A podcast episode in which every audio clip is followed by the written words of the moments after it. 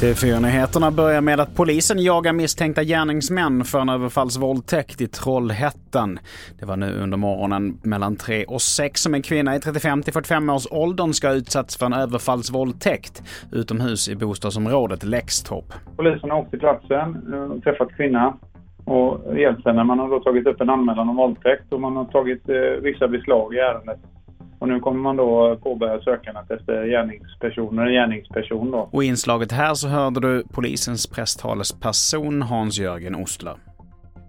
Vidare till Frankrike där det är parlamentsval idag och trots att Emmanuel Macron säkrade en andra mandatperiod i presidentvalet i våras så riskerar han motgångar i dagens val till nationalförsamlingen. Hans centerallians utmanas främst av en koalition bestående av de gröna och olika vänsterpartier.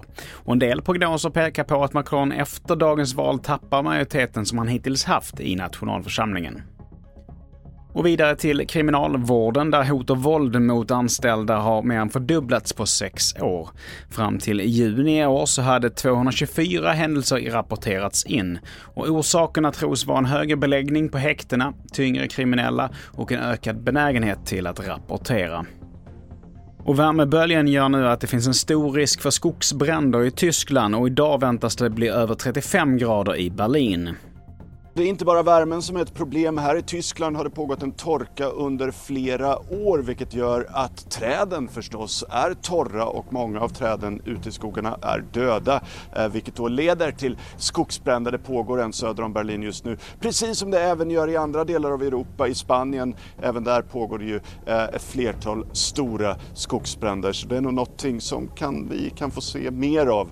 Och i inslaget här så hörde vi TV4s Jonas Källgren. Och till sist, igår så gifte sig Penny Parnevik med hockeystjärnan Douglas Murray på familjens herrgård norr om Stockholm.